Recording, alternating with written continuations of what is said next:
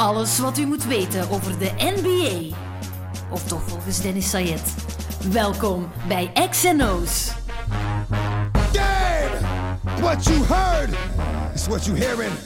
What you hearing? It's what you hearing. Listen. It's what you hearing. Listen. It's what you hearing. Listen. X gon' give it to you. Eerste XNO's na de All-Star break. We gaan het hebben over iets waar we in eh, België op wachten, op hopen en eh, ergens ook van dromen. Een Belg in de NBA. Dat is waar mijn twee gasten van vandaag voor willen en gaan zorgen. Jurik Michiels, eh Nick Goossen van Elite Athletes. Ehm, ja, het is jullie doel, hè? Een eh, Belg eindelijk in de NBA krijgen. Hoe gaan jullie dat doen? Ehm, ja, dat is het, de ultieme droom, denk ik. Ehm, ja, hoe dat we dat nu gaan, hoe dat we op termijn zouden willen doen, is allereerst, eh, ik denk een grote stap dat we nu gaan zetten in onze eigen academy eh, opstarten. Omdat we, we eigenlijk niet echt geloven in het huidige systeem van, eh, van jeugdwerking in België. Als je nu kijkt naar alle clubs doen eigenlijk hetzelfde. Iedereen heeft zo ene coach voor 12 spelers. Je hebt een coach voor twee seizoenen.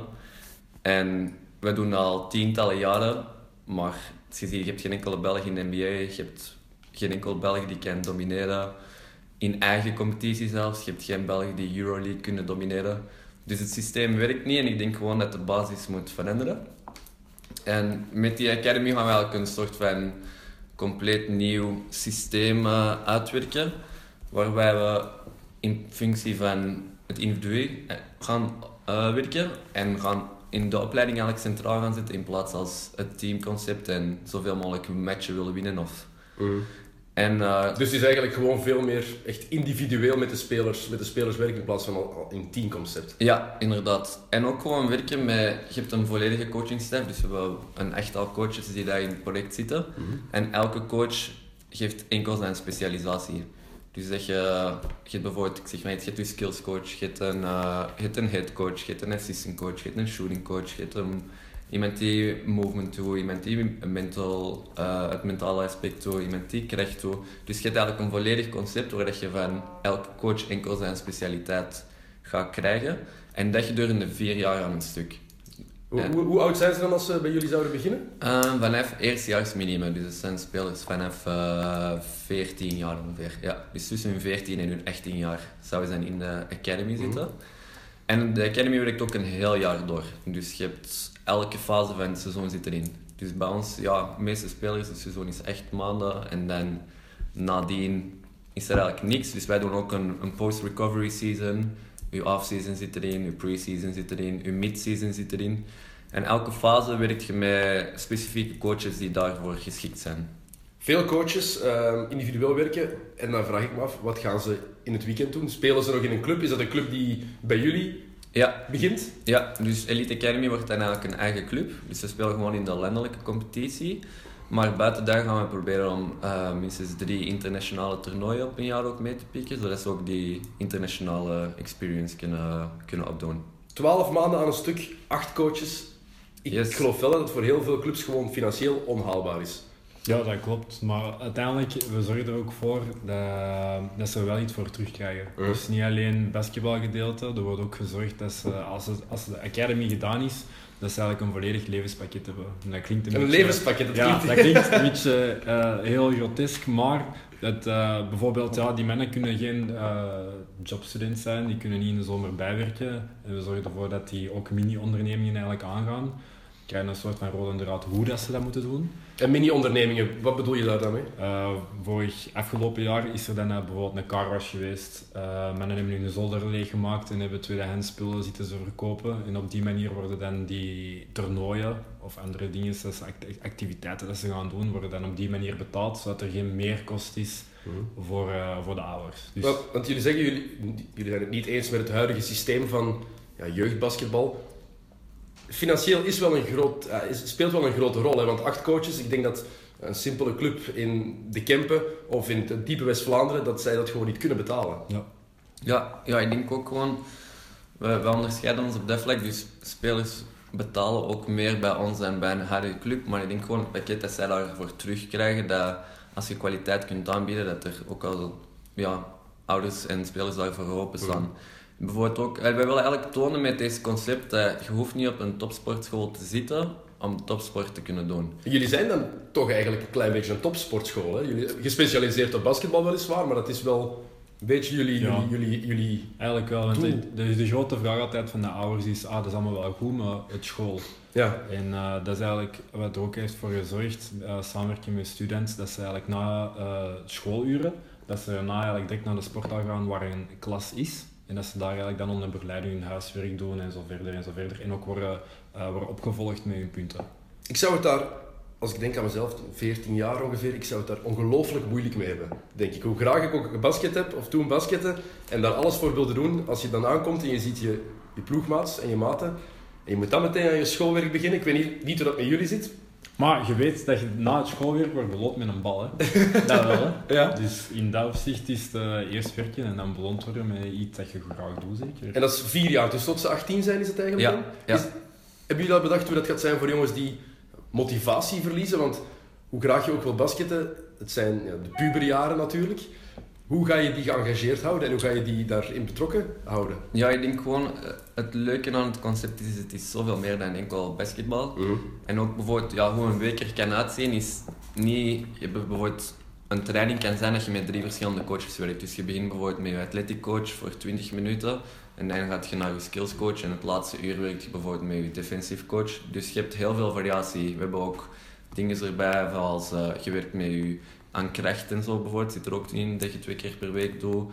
Ehm, je werkt ook, eh, je hebt je filmsessies ook. Dus er zit zoveel meer in dan enkel gewoon je trainingen, dat er zoveel variaties zijn, ook met zoveel mensen.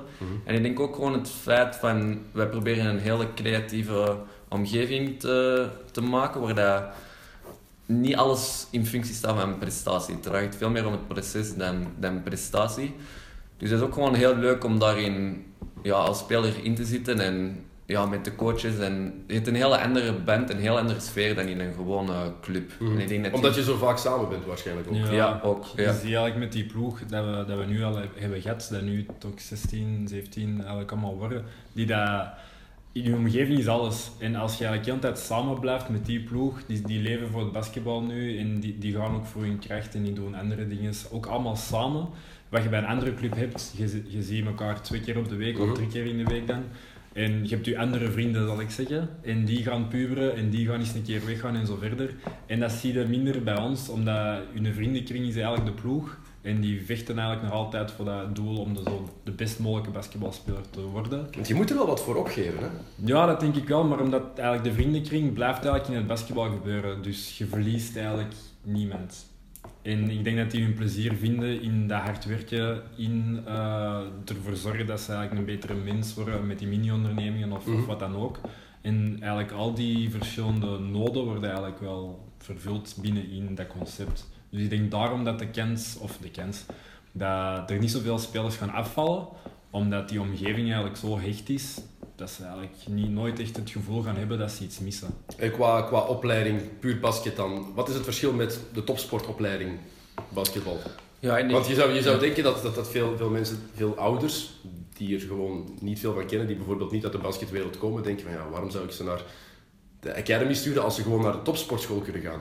Ja, ik denk ons schoolopvolgsysteem is helemaal anders dan in de topsportschool. Ik denk, ja, het probleem, allee, misschien, misschien niet echt het probleem, maar het verschil tussen een topsportschool is dat je daar 9 uur minder eh, normale les hebt, omdat dat wordt opgevuld met die basketuren. En bij ons, iedereen kan eigenlijk gewoon op zijn normale school zitten. Dus wij kunnen wel hebben jongens die dat, sommigen doen Latijn-Grieks, anderen doen misschien TESO, maar toch iedereen kan hetzelfde traject volgen. Dus je is eigenlijk volledig vrij welke richting dat je wilt doen op school.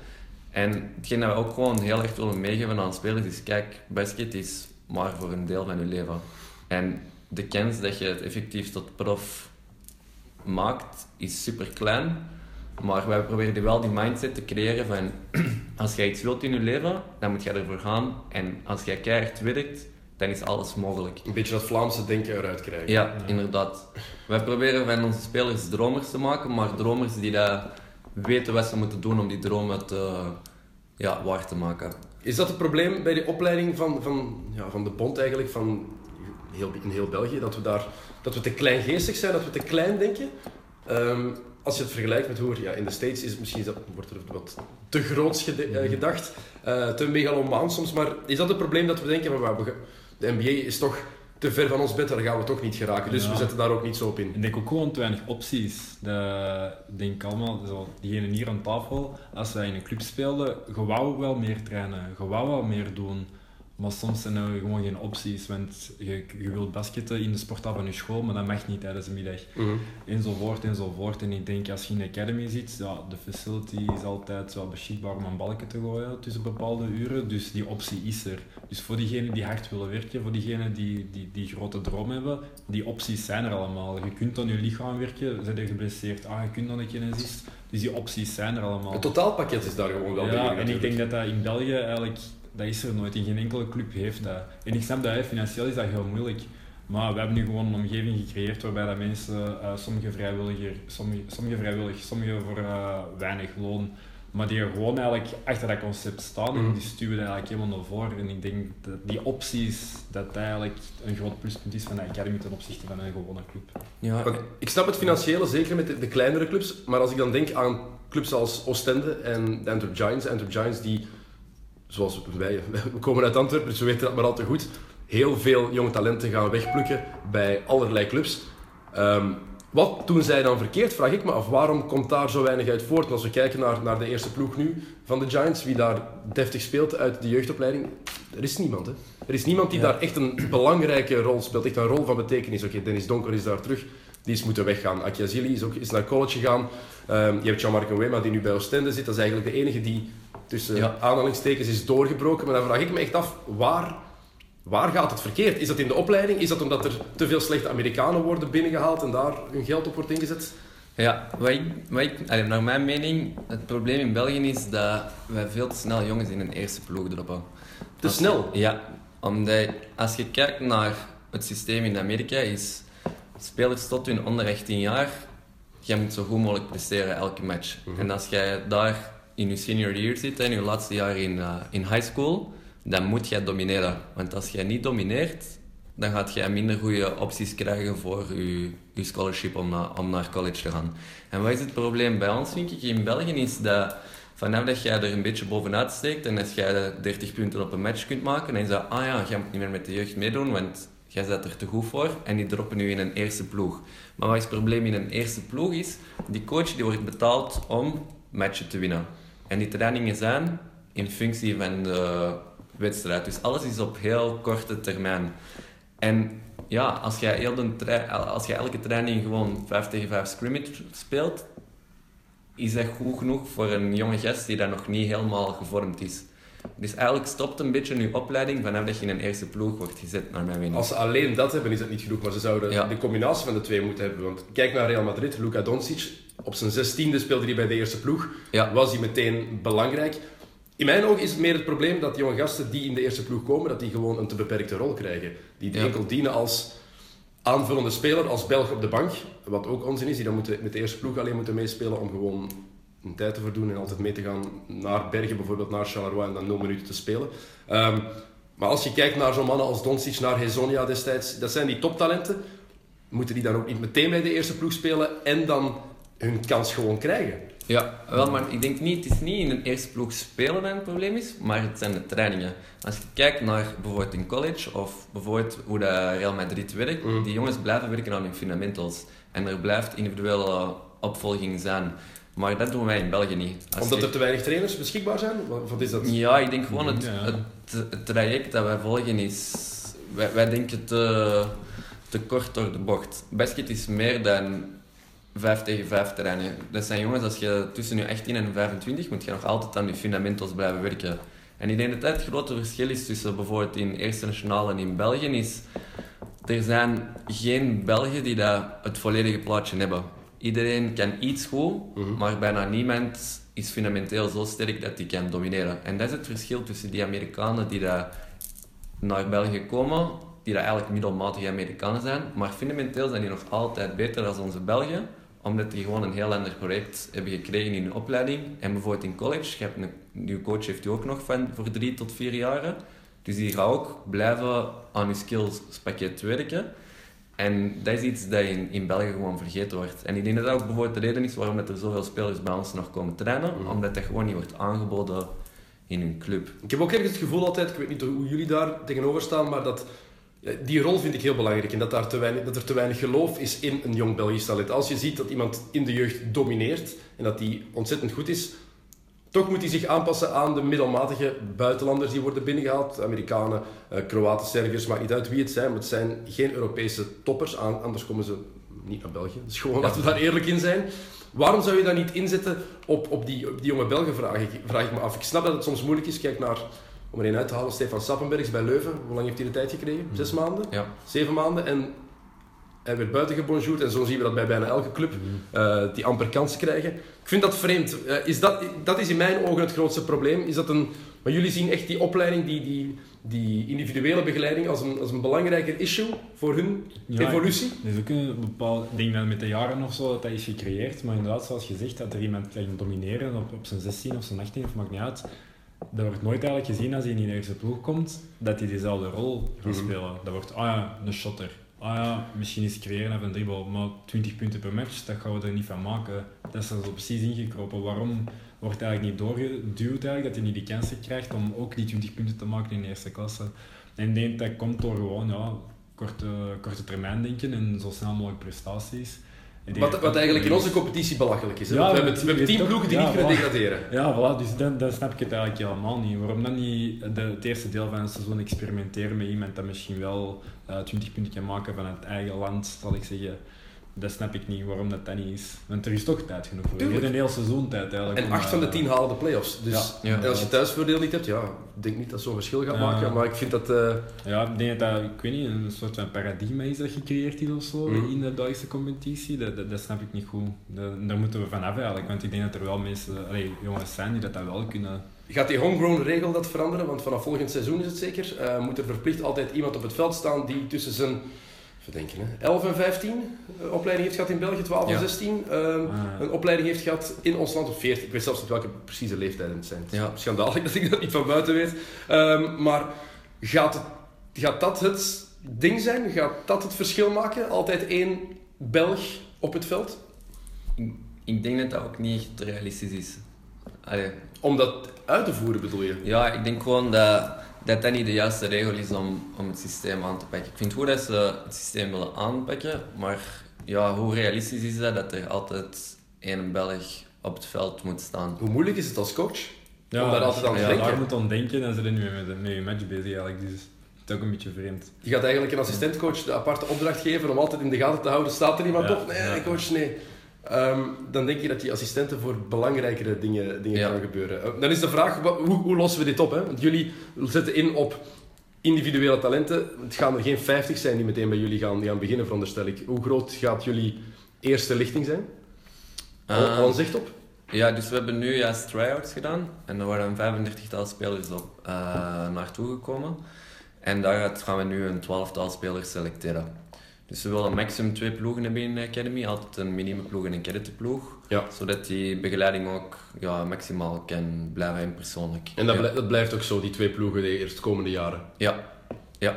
Oké, ehm, ik, vind het, ik vind het straf, ik vind het mooi dat, je- dat jullie dit doen ook, dat jullie die, die aanpak proberen te veranderen. Maar ik vraag me elke keer af, oké, de clubs pakken, pakken dit aan op hun manier. Moet daar vanuit de bond niets overkoepelend georganiseerd worden? Ehm, dat die jeugdwerking een duidelijkere lijn moet krijgen, want iedereen doet maar wat nu. Hè. Ja. Is dat de, de rol van de liga, is dat de rol van de bond om dat te doen? Goh, misschien. Maar hetgeen dat ik wel merk is dat iemand moet maar de leiding nemen. En andere clubs, als die zien dat dat gaat werken, dan gaat dat stilletjes aan zowel, gaan die ook wel dingen beginnen over te nemen. Dat is, dat, is- dat is jullie verantwoordelijkheid ook niet. Dat zou niet, het zou niet van een paar jonge gasten mogen komen die in jullie geval dan iets heel goeds hebben uitgewerkt met elite athletes, die dan zeggen van kijk, wij doen het zo, dus pas het maar aan. Ik vind dat de rol van de, van, van de basketbalbond om duidelijke lijnen te geven naar de, naar de clubs toe. Zo gaan we de jeugdwerking aanpakken. Kijk wat, in- wat in Nederland met het voetbal destijds is gebeurd. Ja. Ehm, bij onze nationale jeugdploegen voetbal wordt ook in een duidelijke structuur gewerkt, in een duidelijke manier van, van zo gaan we ze opleiden. Ik vraag me echt af waar het probleem ligt. Ik, ik weet niet of jullie daar wel een duidelijker zicht op hebben, of waarom dat niet gebeurt. Nou, misschien ook wel misschien de conservatieve geest van, van, van de basketbalbond, misschien dat daar wel iets mee te Mhm. maken heeft. Maar je moet natuurlijk durven hè? en je moet dingen proberen. Als je altijd hetzelfde blijft doen, dat lukt misschien wel een paar jaar. Als dat een paar jaar niet meer marcheert, dan moet je gewoon iets nieuw proberen. En het kan goed zijn als je iets doet of, of onspreekt, het kan zijn dat er bepaalde dingen mislopen. Maar allee, je probeert eigenlijk om progressie te maken. Dus, en als je niks fout doet, dan kun je ook niks leren. Dus ik denk gewoon dingen proberen en inderdaad de structuur dat er nu is met de Belgische basketbalclubs, probeert gewoon eigenlijk ervoor te zorgen dat er bepaalde speciali specia coaches zijn die gespecialiseerd zijn in iets Mhm. en probeert die eigenlijk daar eh, eh, te sturen op bepaalde ploegen in je jeugdwerking. Zijn er genoeg goede coaches voor? Is dat ook niet ergens een vraag? Om je zich, die zich kunnen specialiseren in bepaalde dingen? Zitten de meeste ja, goede coaches die dat zouden kunnen, al niet gewoon bij een eerste klasser, die misschien hun talenten verkeerd Ik gebruiken? denk ook misschien dat er een druk is om als jeugdcoach, of denk als jeugd- jeugdcoach, om in het algemeen een sterk te zijn en dat er niemand zich wil specialiseren, omdat ze dan bang gaan hebben van ja, dan heb ik niks te doen. Dus dat is ook wel iets dat is gevormd door de jaren heen. Dus als je al gaat motiveren om bepaalde mensen te laten specialiseren in iets, in, in shooting of in defense of in skills en zo verder, dan, dan creëer je eigenlijk al opportuniteiten voor die mensen om te werken in bepaalde clubs. En dat zou misschien een goed begin kunnen zijn. Want het doel is uiteindelijk NBA, eh, NBA-spelers ja, creëren, gewoon België in de NBA krijgen, dat willen, omdat het gewoon het hoogste is wat het hoogste. Uh, maar ook voor onze nationale ploeg zouden als we kijken, wat zijn net de WK-kwalificatiewedstrijden die ze gespeeld hebben. Um, ja, verliezen van Frankrijk, dat zonder één van zijn toppers speelt. Iedereen zegt logische nederlaag. Ik vind dat eigenlijk niet zo logisch. Misschien ben ik dan, dan te streng. Oké, we hebben geen Lojeski, we hebben geen Van Rossum. Um, Hervel is er ook niet meer bij. Het is niet meer de ploeg die we hadden. Maar toch, dit, dit is niet genoeg. Als we de, het roster nu bekijken, als we de beschikbare spelers bekijken, dan is dat niet genoeg. Um, zien jullie een speler nu of eraan komen waarvan jullie denken van ja, kijk, die heeft de kans wel om die stap te zetten naar de NBA, naar een Euroleague ploeg bijvoorbeeld? Misschien uh, Manu, Manu Leconte. Die uit het Amerikaanse systeem komt dan ook. Ja, ja. ja. Ik denk dat hij wel zijn, zijn zinnen er heeft op gezet. En ja, ik denk ook wel dat hij, dat hij er misschien wel klaar voor is om die stap te zetten. En waarom dan? Waarom hij wel en, en een, bijvoorbeeld een Jean Salomon niet? Um, Want als iemand die in de Belgische competitie een belangrijke rol speelt, bij de beste ploeg in Europa goede dingen laat zien, waarom zou, is hij dan minder geschikt om een stap hoger te zetten dan iemand als Leconte? Misschien niet minder geschikt, maar ik denk dat, dat je een bepaalde mindset moet hebben. En de mindset dat bijvoorbeeld Manu heeft, dat heeft niet veel spelers. Dat heeft bijvoorbeeld een Retin heeft dat ook. Die, dat zijn jongens die gewoon een paar jaar op voorhand zeggen van kijk, ik ga naar de NBA. Dat is niet mijn droom, maar dat is mijn plan. En die zijn zo gefocust op hun van ik ga naar de NBA en dat moet gebeuren, dat die er ook alles voor gaan doen. En ik denk dat heel weinig Belgen die mentaliteit hebben.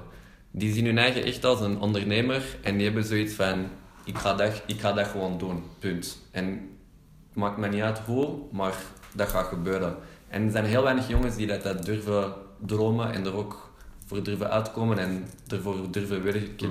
Want je, nu je zegt nu twee namen, uh, en uh, Leconte, allebei in college gespeeld in de VS. Ik heb het daar met Thomas van de Spiegel meer dan genoeg over gehad, zeker toen we in Amerika waren voor de finals vorig jaar. Hij is geen voorstander van België naar college te sturen.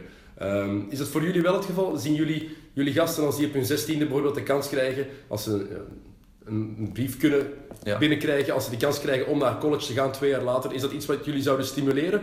Of denken jullie toch liever in de, in de Europese subtop-top zo naar, uh, naar boven werken? Ja, het is wel iets dat in de Academy wordt voorgelegd als optie. Als ze het willen, dan, dan wordt ervoor gezorgd dat er een optie gaat klaar liggen op hun 18 jaar, dat ze naar Amerika kunnen gaan. Willen ze in België blijven, ook goed.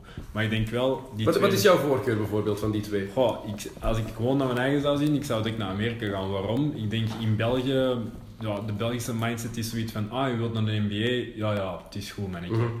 En ik denk, als je dat in Amerika zegt, dan hebben ze zoiets van, ja, want als je dat, als je dat niet hebt als mindset, waarom spelen dan zelf basketbal?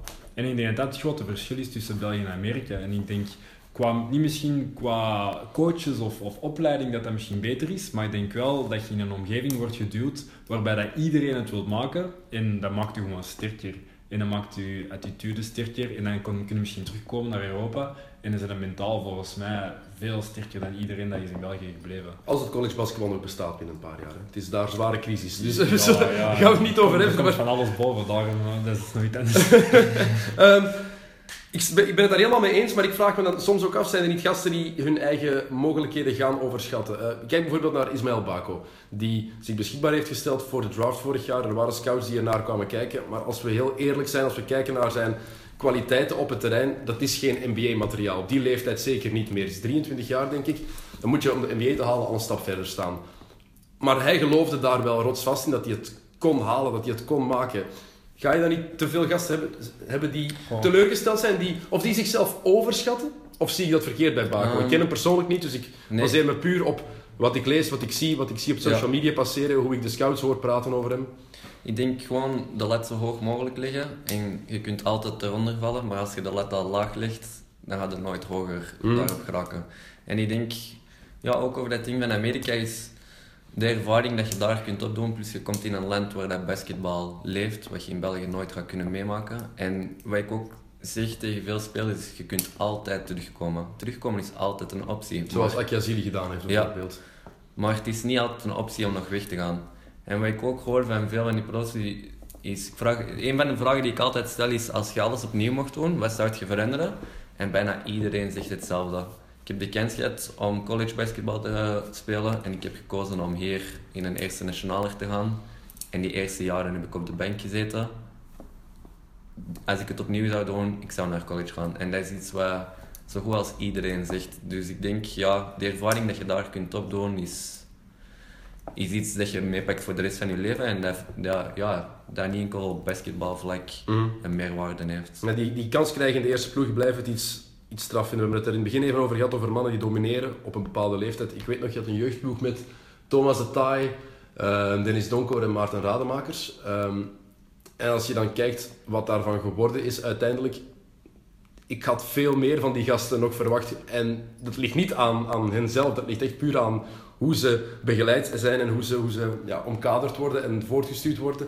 En ik hoop dat die, die, ja, dat die homegrown rule daar iets aan gaat veranderen, maar ik, eh, Ja. ik vrees er echt een beetje voor. Is, is dat de enige reden, dat, enige reden dat er geen NBA-talent in België nu is? Buiten ja, misschien Leconte, maar er is niemand waar we van denken dat zou wel eens een eerste ronde draftpick kunnen worden. Hè. Geen enkele speler, zelfs niet bij de U18 loopt daar niemand rond, denk ik, waar die van denkt van oké, die, gaat het, die gaat het halen.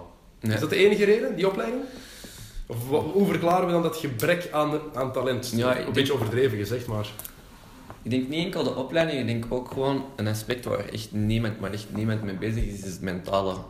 En niemand is bezig met op lange termijn met spelers van oké, wat wilt je eigenlijk? En weet, je- beseft je wat je daarvoor moet doen? Want met gewoon je drie trainingsjes in de week en dan één matchje te spelen, gaat je er niet komen. En dat is iets dat je bij spelers er van jongs af aan moet kunnen inkrijgen. Van als je iets wilt, dan gaat je extra dingen moeten doen. En dat talent motiveren dan Ja. ook. Want je vindt jonge gasten genoeg die, wat je van ziet op hun 11, 12 jaar. Van, ah, als, als, als jij het goed verder doet, als jij goed begeleid wordt, dan zit daar wel Er iets zijn in. ook weinig killers.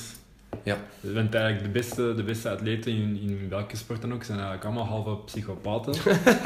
die die, die zo'n doel voor ogen hebben, dat ze eigenlijk, ja, een doel heiligt de middelen. En die doen er alles voor om er te geraken. En dat is niet alleen, niet, niet meestal de mooie weg, maar die, die doen er alles voor. En ik denk dat, denk ook weer ty- typisch Belgisch, dat dat niet wordt geapprecieerd en dat we erop neerkijken.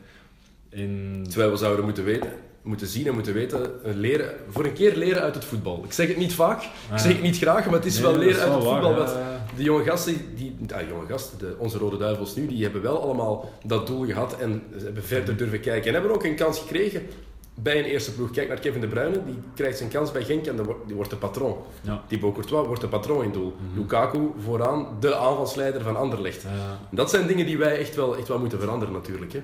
Ehm, jullie hebben het gehad over jullie ehm, verschillende manieren van, van coachen. Individuele coaches. Jullie pakken de spelers aan op hun, op hun skills, balhandling, defensive coaches. Ehm, maar jullie kijken ook ongelooflijk veel naar de NBA om hen die dingen aan te leren. Hè. Hoe, hoe zit dat bij jullie precies? Want ik zie veel dingen verschijnen, zeker als je jullie volgt op social media, zie je genoeg verschijnen dat jullie echt ja, video-analyses doen en dat zo aan jullie jonge gasten proberen aan te leren. Skillsman. Ja. ja dat is ik- Jurik's zijn eh, Ja. zijn winkel. Hetgeen dat ik gewoon merk is dat spelers zoals kinderen, zelfs ook profs, dat die eigenlijk veel makkelijker leren als die eerst voorbeelden kunnen zien van dingen die in wedstrijden gebeurt in situaties. En als je dan gewoon een breakdown kunt doen tot in de kleinste details van kijk, als dat gebeurt, is dat je optie en dat zijn de, de dingen waar je op moet letten. Dat, spelers nemen dat veel sneller mee dan dat je gewoon op training zonder die video daar eigenlijk aan werkt. En zeker als je hem een voorbeeld kan, ge- kan geven van kijk, dit is hoe James Harden het doet. Dan als, als je dan een jonge gast Ja. van 14 hebt.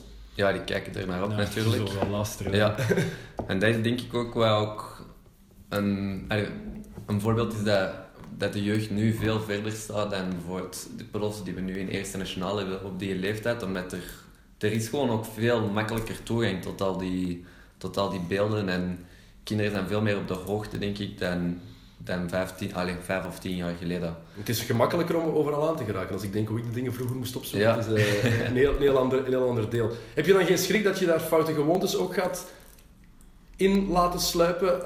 Als we het voorbeeld, voorbeeld van James Harden aanhalen, ehm, zijn stepback drie punten die hij heeft, is altijd een loopfout. In Europa gaat het ook altijd afgefloten worden, in de NBA niet. Daar laat ze dat toe.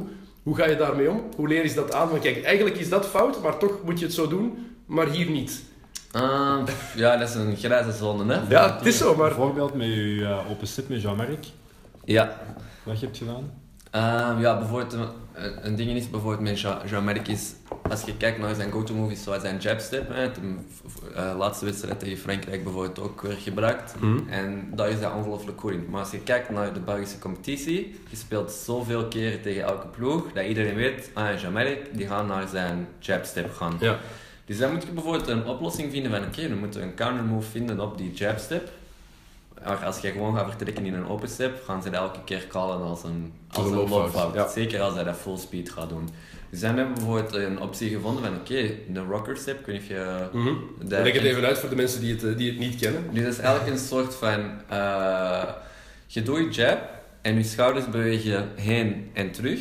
En nu gaat je eigenlijk met je buitenste hand de bal gooien in een bots. En daardoor, doordat die bal gegooid wordt in een bots, kun je eigenlijk full speed vertrekken vanuit een open step zonder dat het een travel is. En dat is dan bijvoorbeeld dan nu een perfecte counter move waar we op aan het werken zijn met hem. Zodat hij, als iemand niet reageert op zijn jab step, toch ineens full speed kan vertrekken zonder loopfout.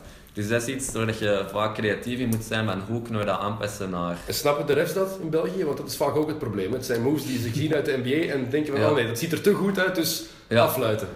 Op zich hebben we daar eigenlijk bijna geen problemen mee. We hebben af en toe eens een, eh, bijvoorbeeld vanuit een killer cross in een stepback gaan. Daar hebben we bijvoorbeeld vorig jaar twee keer een travel uitgekre- uit- eh, uitgekregen. En dan is dat zo'n dunne lijn van ja, oké, is het een loopfout, wel of niet. Maar eigenlijk daarbuiten vind ik dat er, ja, de refs, het niveau van de refs is wel aan het stijgen, heb ik de indruk ook. Ik denk dat scheidsrechters meer ook naar buiten het Belgisch basketbal aan het kijken zijn. Ik ben even aan het denken, ik moet mijn woorden wikken. opletten. Ik ben daar streng, is soms te streng over blijkbaar. Ehm, het is wisselvallig, we zullen het zo Ja. zeggen. De toppers zijn, Ja. de toppers zijn vaak goed. ehm, ja. Scheidsrechters hebben ook ego's. We zullen het, Ja. we zullen het, we zullen het eh, daar- daarop houden. Ehm, zijn er bepaalde spelers waar jullie het liefst naar kijken om, om dingen aan te leren? Bepaalde NBA-spelers die jullie het meeste materiaal bezorgen? Ah ja, voor mij is het sowieso CJ McCollum. Ben ik echt een Gentse Dat is niet de grootste naam. hè. Als, als er mensen luisteren die gewoon de NBA ja, casual volgen, maar ik denk... dan is dat niet de naam waar je van denkt van oké, die gaan we ontleden. Ja, maar je moet niet zo'n spelers pakken zoals Antetokounmpo of Westbrook, want dat zijn gewoon freaks. Dus ik denk als je kijkt naar spelers waar dat zich het meeste aanleunen bij Europese spelers, die dan niet super atletisch zijn, niet super groot, niet fysiek ongelooflijk sterk, die het moeten hebben van hun skills package. En ik aan CJ McCollum, dan denk ik aan Donovan Mitchell, ben ik ook een enorme fan van. Eh, Je, je haalt er twee jongens uit die allebei drie à vier jaar in college gezeten hebben.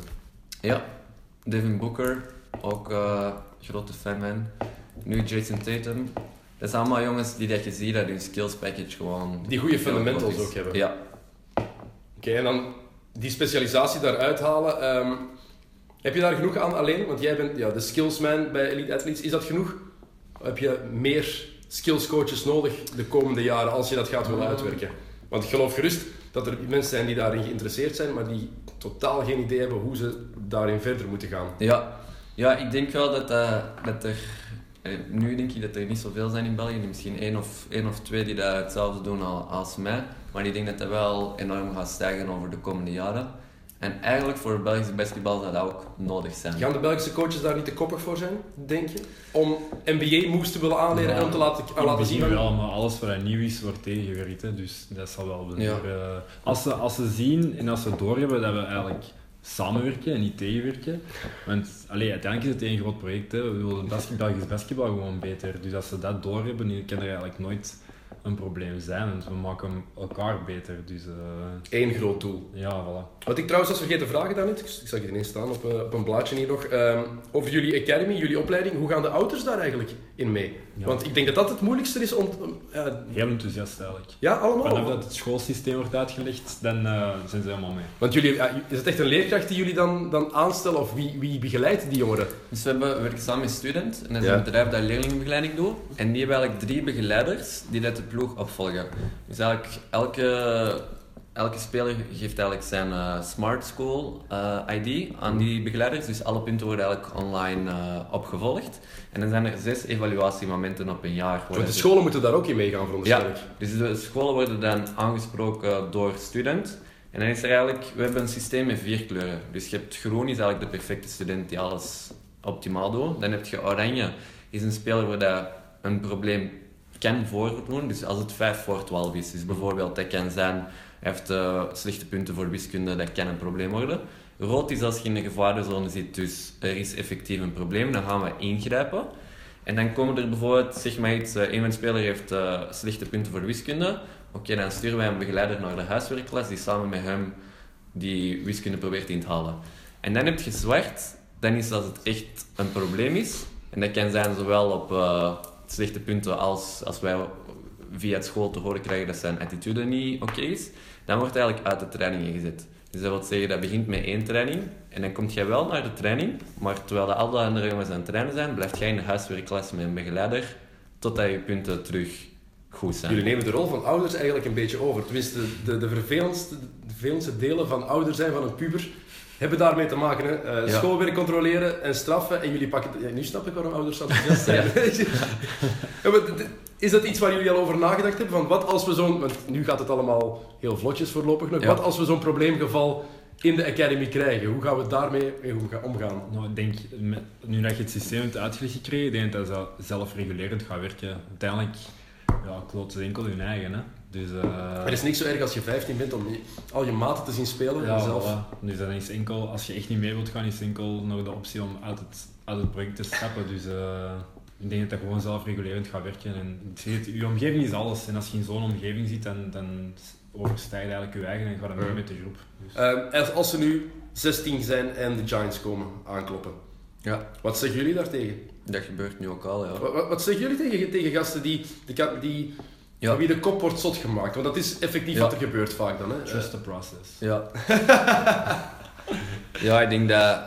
want van, vanaf welke Ja. leeftijd stimu- stimuleren jullie het om door te gaan? Is het echt de bedoeling dat ze het helemaal afmaken bij jullie? Ja, tot in echt één. Dus we hebben nu al, bijvoorbeeld, er zijn enkele jongens die ook al scholarships hebben aangeboden gekregen. Maar die zeggen ook, ja kijk, we wachten totdat we 18 jaar zijn en de academy rond hebben gedaan. En dan gaan we samen met hun eigenlijk zoeken van, oké, wat is de juiste fit voor ons? Dus het is niet ook dat vanaf dat de academy gedaan is, dat wij hun gewoon loslaten. We gaan echt samen met hun proces nog aangaan. Van, en hun verder begeleiden in hun verdere loopbaan. Van, Mhm. oké, wat is de juiste ploeg voor u? En hoe gaan we dat doen? Dus bijvoorbeeld, er, zijn nu twee jongens die zeggen van oké, ik wil graag naar college gaan. Dus dan zijn we nu al bezig met het proces van oké, we zijn scholen aan het sturen, highlight tapes aan het maken. En dan hopen dat ze een scholarship krijgen, een beurs Ja. krijgen dan, want het is onbetaalbaar voor die Ja. ouders om, om echt een volledige beurs zelf te betalen. En Inderdaad, raak je ja. niet in de ploeg waarschijnlijk. Ja, En zijn er dan bepaalde scholen waar jullie extra contacten hebben? Of is dat Ja, dat- aanschrijven eigenlijk? dat is eigenlijk zo hoe, hoe alles tegenwoordig gaat via sociale media. We hadden bijvoorbeeld twee weken geleden was hier een agent van Amerika en die zei, als je kijkt hoe dat basket aan het evolueren is, dat, dat bestaat niet meer. Dat scouts komen kijken naar wedstrijden. Alles is online. Alles is van stuur je tapes door, stuur je matchen door. En als hij, hij zegt hoeveel spelers dat deze jaar een beurs hebben gekregen via Instagram, via Twitter, dat die gewoon gecontacteerd zijn geweest. Via via. Daar weet- maar daar weet je toch niet genoeg. Als, als, als ik met, met inbeeld dat ik de leiding heb over een, over een, een opleiding, Fresno State bijvoorbeeld, om maar een college te noemen. Ja. Niet de grootste college, niet de kleinste.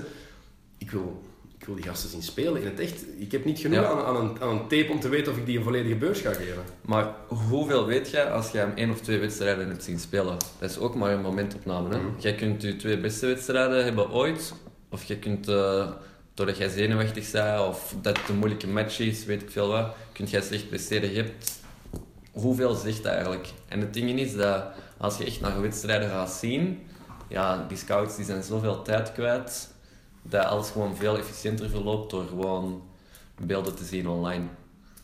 En Dat, is, dat, is, vaak, dat Ja. is vaak toch ook een selectie. Dus kijk, online ga je zelden naar een volledige match kijken. Hè. Als je bijvoorbeeld mensen hebt die nu... Ja, ik volg de NBA, ja, ik kijk elke dag, eh, elke match condensed. Ja. Wat ik complete bullshit vind, want je, ziet alleen alle scores, je ziet nooit hoe een deftige defense in elkaar zit. Als een ploeg zes minuten zonder score zit, wordt het eruit geknipt. Dus heb Ja. je daar wel genoeg aan? Vraag ik me dan af. Ja, Ja. je hebt wel een systeem, een crossover systeem. Ja, Eigenlijk, eh, elke match wordt opgenomen bij hem.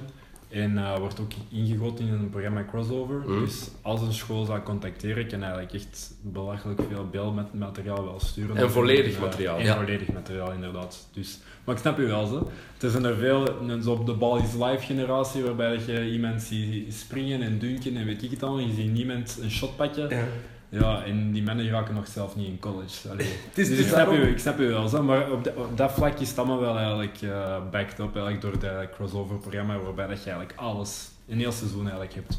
Dus dat wel, in zijn geval. Een Belg in de NBA, hoe lang gaat het duren? hopelijk een paar maanden nog. Hè. We zullen zien. Ik geloof nooit dat LeConte gedraft gaat worden trouwens. Ik denk als hij erin komt dat het als free agent is. Maar ik denk wel dat, dat hij... Ik geloof er voor het eerst wel in dat hij er echt in kan geraken via de G-League. Of toevallig in een training camp iets laten zien. Want Ja. het is wel... Ik vind dat hij dat nog harder heeft dan Reten dat bij Alabama had. Die, die bulldog mentaliteit. Die, echt, die, die kuitenbijter zijn en... Ah, ik weet het niet. Ik heb, nog, ik heb zelden een Belg gezien die daar zo hard voor, voor lijkt te gaan. Ja, Het is misschien maar, het is maar een indruk, maar als ik ze matchen in college zie, dan is dat wel de ingesteldheid die wij hier niet hebben. Ja. Zelden. 100% mee eens. Ja. Eh, jullie volgen de NBA ook gewoon op het algemeen, veronderstel ik. Maar wat ik interessant vind, jullie zijn heel hard bezig met het begeleiden van, van sporters eh, met hun fysieke mogelijkheden. We hebben opnieuw die blessuregolf in de NBA. Hebben jullie daar een verklaring voor waar het aan ligt? Want iedereen heeft zijn eigen mening. Het zijn te veel, het zijn te veel matchen. Eh, nu is het te uitgerekt, want Adam Silver heeft het seizoen iets langer gemaakt. Spelers krijgen gewoon te veel minuten, dus te harde workload.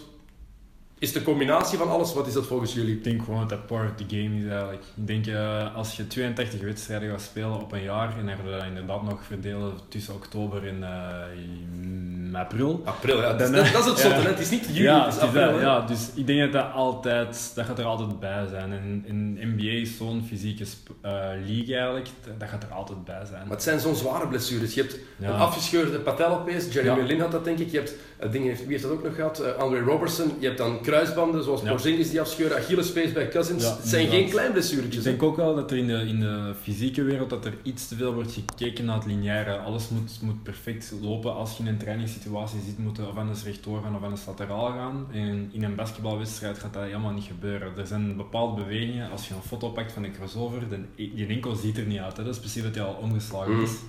Is. En ik denk dat er te weinig wordt getraind op, op die range. Zelfs in de NBA nog, denk je? Ik denk dat wel. Ik denk dat er iets te, te protectionistisch wordt omgegaan met de spelers, misschien in, het, uh, in, het, in de fysieke wereld en in het fysieke aspect. Dus Bedoel je dat er te weinig getraind wordt op zo'n op zo'n bepaalde dingen? Dat er te weinig op mobilisatie wordt ingezet, op, op preventie? Ja, ik denk dat er... Want een atleet is eigenlijk op zich is een, een hele stijve persoon. Ook daarmee dat ze zo explosief kunnen zijn. Die vering is heel strak, mm. daarmee dat die zo hoog springen en zo explosief zijn.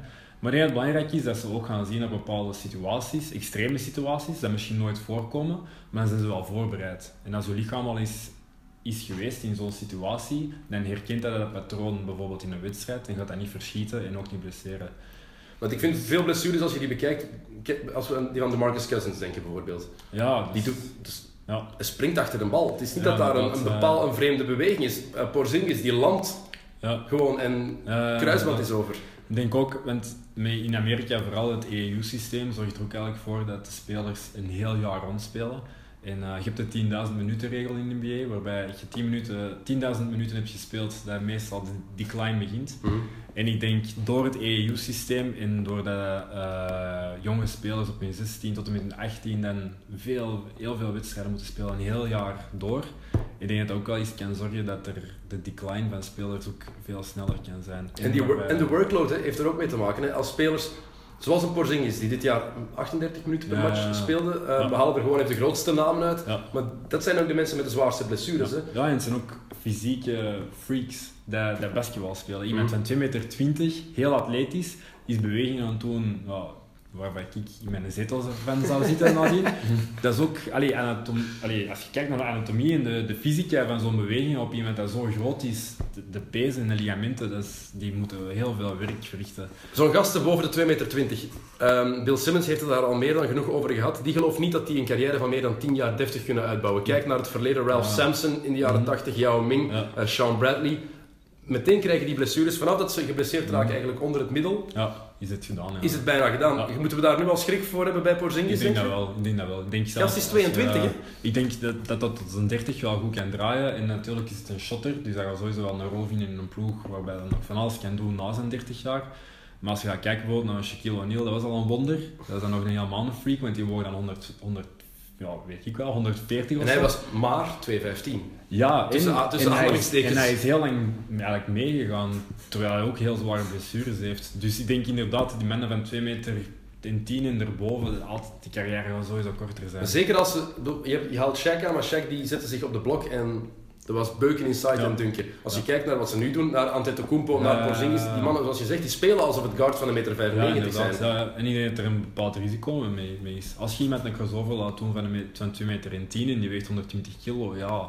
En dan nog explosief naar de basket gaan en contact Ja, hebben voilà. en op iemand zijn voet En- kunnen vallen. Ja, voilà. Als er dan iets mis is met die beweging, dan ja, dat is gewoon pure fysica. Hè. Heel dat gewicht, heel die lengte, dat is zo'n hefboom. Ja, die gewrichten gaan, gaan kapot hè, op de duur. Dus dat, dat is, gewoon onvoorkomelijk, denk ik, bekend. Gaat het verkorten van een NBA-seizoen een oplossing bieden? Want daar wordt ongelooflijk veel over gepraat. Hè. Van, nu zijn er Goh. 82 matchen, dat we zeker een maximum 75 matchen moeten hebben, liefst naar 70. Gaat het een verschil maken, denken ik jullie? denk dat niet. Nee? Waarom niet?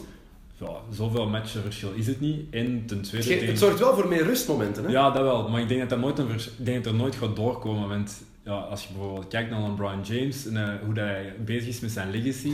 Als je weet dat je tien wedstrijden minder gaat spelen en je weet dat Kareem Abdul-Jabbar in zicht is, dan denk ik dat nooit er gaat doorkomen. Ja, LeBron is natuurlijk wel de, de uitzondering die de regel bevestigt. Dat is de enige Ja, dat die gewoon ja. nooit, nooit geblesseerd dat raakt. Ik snap nog altijd niet hoe dat gebeurt trouwens, dat, het, eh, dat zo iemand bestaat. Maar jullie geloven er niet in, minder matchen, dat een verschil zou maken. Puur of het nu gebeurt of niet, maar of het voor die mannen een verschil gaat maken. Ik denk het niet. Jurik, ook? Nee? Nee, ik volg Nick er wel in. Allee, ik denk ook niet dat... Die gaan daar buiten ook nog sowieso dan, dat opvullen met trainen of eender wat. Dus het is, ik denk niet dat die echt rust zouden nemen daar buiten. LeBron James traint nooit. Hè? Letterlijk, hij doet krachttraining, maar Mhm. basketbaltraining met de ploeg Ja. tijdens het seizoen gebeurt niet om zijn lichaam net te laten, te laten rusten. Ik weet dat het voor iedereen waarschijnlijk anders is, maar Mhm. Is dat dan de richting waar we moeten uitgaan? Dat er nog minder getraind gaat worden? Want bij San Antonio zijn er wel trainingen bijvoorbeeld. Die, gebeuren, die gebeuren daar wel. Ja, wat je wel ziet bijvoorbeeld bij ploegen die niet, niet trainingsseizoen, ik denk ook aan Miami van 2006, die Mhm. deden dat ook nooit. Nee, Shaq was toen al versleten Nee, eigenlijk, ja, dus voilà, daarom... ja, ja. En dan zag je wel eigenlijk, de kwaliteit van het spel is wel echt achteruit. Want als je kijkt naar Cleveland, ja, daar kun je niet echt naar kijken. Qua basketbal, kwaliteit is dat echt niet te doen. Dus op dat opzicht is het misschien beter voor een NBA om wel wedstrijden minder te doen. Dat er misschien gemotiveerd aan kan worden om meer te trainen, dat het product wat beter wordt. Maar eh, voor de blessures echt, buiten speltaal, ik denk dat dat onmogelijk is. Ik denk dat dat altijd eigenlijk een, een deel gaat zijn van topsport. Je zegt het product beter maken. ehm, maar ik denk dat de NBA op dit moment eigenlijk beter is dan ooit. Ja, dat wel. Cleveland is een beetje een Nee, qua, qua, qua talentpool bedoel ik. Hè. Ja, zijn, zijn 30 ploegen, er, wordt, er is sprake van gooi er twee extra ploegen bij. Eén in, eh, zeker één in Seattle en dan in, in Vegas of weet ik veel waar. Vinden jullie dat ook? Want iedereen praat over, ah, laten we terug naar de jaren 90 gaan. Als, iedereen, als je objectief kijkt naar matchen uit de jaren 90.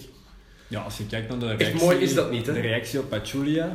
En dat is jaren 90 eigenlijk, hè, wat Pachulia allemaal doet. Dus, eh, ja, Denk, vind- Denken jullie dat het expres was van Pachulia tegen Westbrook? Eh, Ik denk dat hem sowieso wel viel, dat wel. Maar als je kijkt naar waar zijn ogen staan en dan valt, dan, dan zie je wel gewoon hij heel optimaal gebruik maakt van de, van de, van de kennis dat er was. Om, eh, Van waar te landen. ja, inderdaad. eh, maar iedereen kent hem wel, hè, Pachulia. Dus eh, ik denk dat dat duidelijk was. Het algemene niveau, het basketbalspel, het is ongelooflijk veranderd. In de jaren 90 had je de illegal defense, ehm, had je de handshake die nog mocht. Nu is het veel gemakkelijker voor spelers in de NBA om, om te creëren. Is dat een goede zaak voor het spel, voor, voor het basketbalspel in het algemeen? Ja, ik vind het veel attractiever aan het worden is. Hè. Als je kijkt, de scores liggen ook veel, veel hoger. En je merkt ook gewoon dat vroeger had iedereen zijn vaste posities en is gewoon volledig aan het verdwijnen. Ik denk, als Is dat nog- niet erg? Bijvoorbeeld dat de, de, de klassieke center bijvoorbeeld, dat die niet meer bestaat. Ah, ik, vind dat, ik vind dat zalig. Ja? Ik denk binnen een aantal jaren, ah, het begint al een beetje te komen met Antetokounmpo nu bijvoorbeeld, dan gaan we gewoon point guards hebben van 2 meter en 10 en iedereen kent alles in basketbal. Dus jij gelooft niet, want dat is wat veel mensen in de VS wel geloven, dat de traditionele, traditionele center ooit terugkomt. Ik eh, denk niet dat die gaat terugkomen. Nee.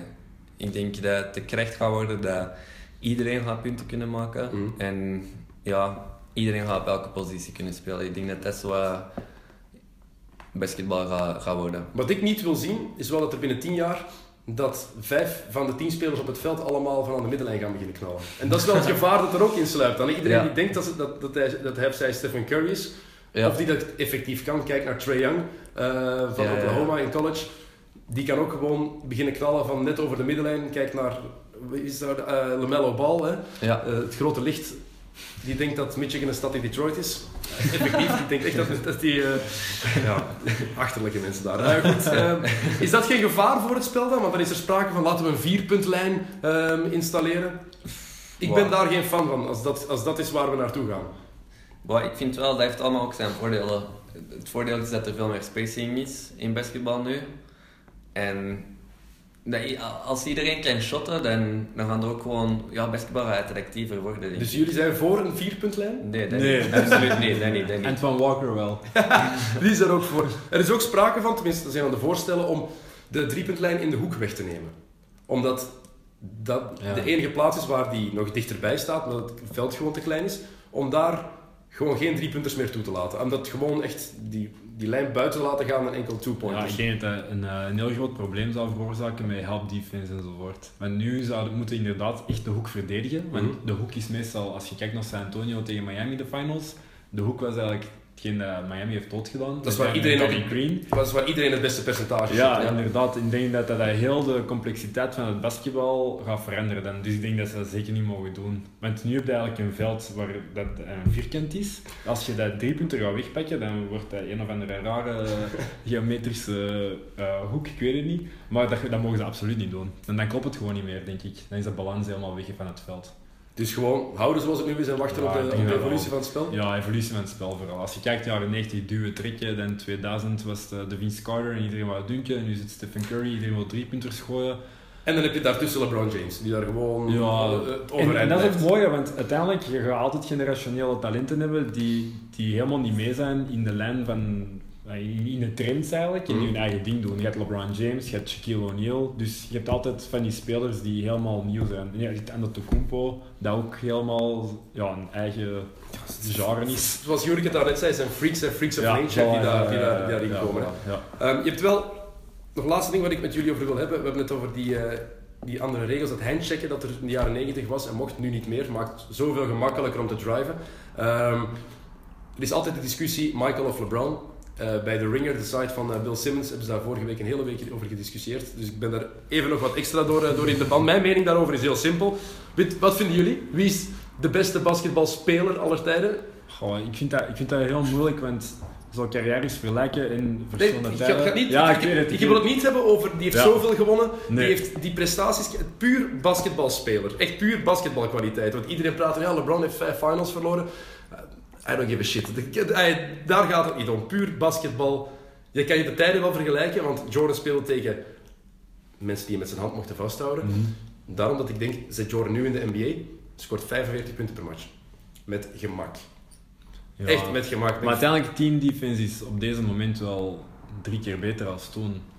Maar dan, dan moet je ook beginnen passen natuurlijk. En dat is wat veel Ja. mensen zeggen, waar ik me aan stoor bijvoorbeeld, mensen zeggen van ja, LeBron is een zoveel betere passer als Michael Jordan. Waarom? Omdat hij meer assists gemiddeld heeft? Ja, zo kan mensen zeggen, usage, usage is helemaal anders dan Jordan bijvoorbeeld. Ja. Maar daarmee vind ik het heel moeilijk om te zeggen, want ja, LeBron ten eerste, fysiek heeft hij voordeel, eh, rebounden heeft hij wel voordeel. Ehm, ja, en Jordan was gewoon een psychopaat, dat je schrik van hebt. En ik denk dat je dat bij LeBron minder hebt. Ik denk dat je enkel van LeBron bang hebt wegens het fysieke. Maar, eh, goh, Ik heb daar heel wat ja, tegenovergestelde meningen over gehoord. Max Whittle, eh collega van mij van, eh, uit de UK, die zegt bijvoorbeeld LeBron is eh, de betere algemene basketballer, maar ik vind Jordan wel een betere speler. Terwijl Thomas van de Spiegel zegt Jordan is de betere basketballer, LeBron is de beste atleet. Ja, dat wel, sowieso wel. Daar, daar ben ik wel mee eens. Sowieso. Maar ik denk ook, LeBron geeft hem nog wat tijd. Want uiteindelijk, hij heeft nu een nieuw, nieuwe ploeg gekregen als kerstgeschenk. En als hij tegen deze Golden State kan winnen, dat is, allee, dat is ook iets dat op zijn palmarès gaat je, je weet toch wat het counterargument gaat zijn, hè? Michael Jordan heeft nooit zijn hele ploeg moeten buiten gooien in ieder van het seizoen. Ja, heeft dat nooit nodig maar gehad. Michael Jordan heeft ook heel veel chance gehad met Scottie Pippen te krijgen en zo verder. En met Tony Kukoc en ook allemaal cadeautjes. Dus Cadeautjes weer dat is, gegeven. cadeau- dat is, dat is meevallen. Le- LeBron had Kevin Love en Kyrie Irving, hè? Ja, dat is waar. Ja, als, je. Kevin, als je Tony Kukoc en Scottie Pippen vergelijkt met Love en, en Kyrie Irving, Ja, ja. Maar ik zeg het, hè, de meeste is altijd moeilijk om, om dingen te vergelijken. Want ja, LeBron James heeft nog, nog veel jaren eigenlijk. Ik, denk, ik ben ervan overtuigd dat hij nog vijf jaar echt gaat meedraaien aan een top. dat is het mafste. Dat is het ding wat ik niet snap. En dat is En- volgens mij iets wat, wat, wat jullie, waar jullie... jullie zijn zo vaak bezig met hoe een lichaam zich evolueert, dat iemand in zijn vijftiende jaar in de NBA op zijn Ja. 33ste nog zoveel klappen aan kan zonder ook maar één zware blessure. Ja, hij Snap jullie Hij dat? speelt in het All-Star Game mee. Hij is de oudste persoon en hij zorgt voor de beste highlights. Dus eh, dat is ongezien eigenlijk. Nee, dus, allee, dus dingen dat, om te ver- dat, dat dat niet verklaren valt. Ik denk dat ook eh, de wetenschappers ook soms zitten te kijken en... Geen idee. Echt geen idee. Oké jongens, ehm, laatste vraag. Dan ga ik jullie laten. Ik ga je nog even reclame laten maken daarna. Ehm, binnen tien jaar, hoe zit het met België die naar de NBA willen kunnen? Hoeveel zitten er in de wachtkamer dan? Goh. Doe, doe een voorspelling. We gaan het binnen tien, tien jaar terughalen. Zie, Ja. zie wat jullie ervan hebben gemaakt. blij zijn met vijf spelers In de NBA of Ja. naar de NBA toe? in de NBA. Vijf spelers. Binnen tien jaar vijf in de NBA. Ja, dat zou een mooi doel zijn. Dat is heel, eh, hoe moet ik het zeggen? Ambitieus. Ambitieus, inderdaad. Dat woord is heel ambitieus, hè? Nick?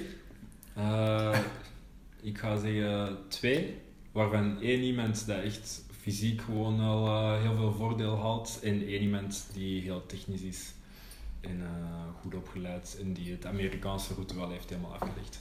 Oké, jonge gasten die interesse hebben in jullie project. Wat moeten zij doen? Hoe kunnen zij zich aanbieden, inschrijven?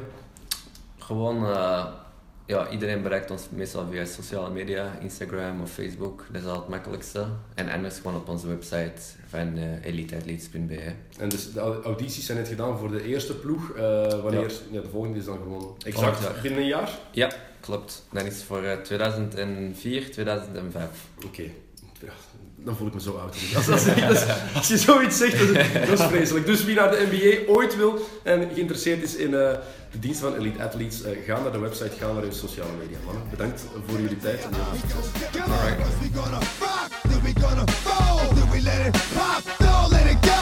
X gon' give it to ya, he gon' give it to ya. X gon' give it to ya, he gon' give it to ya.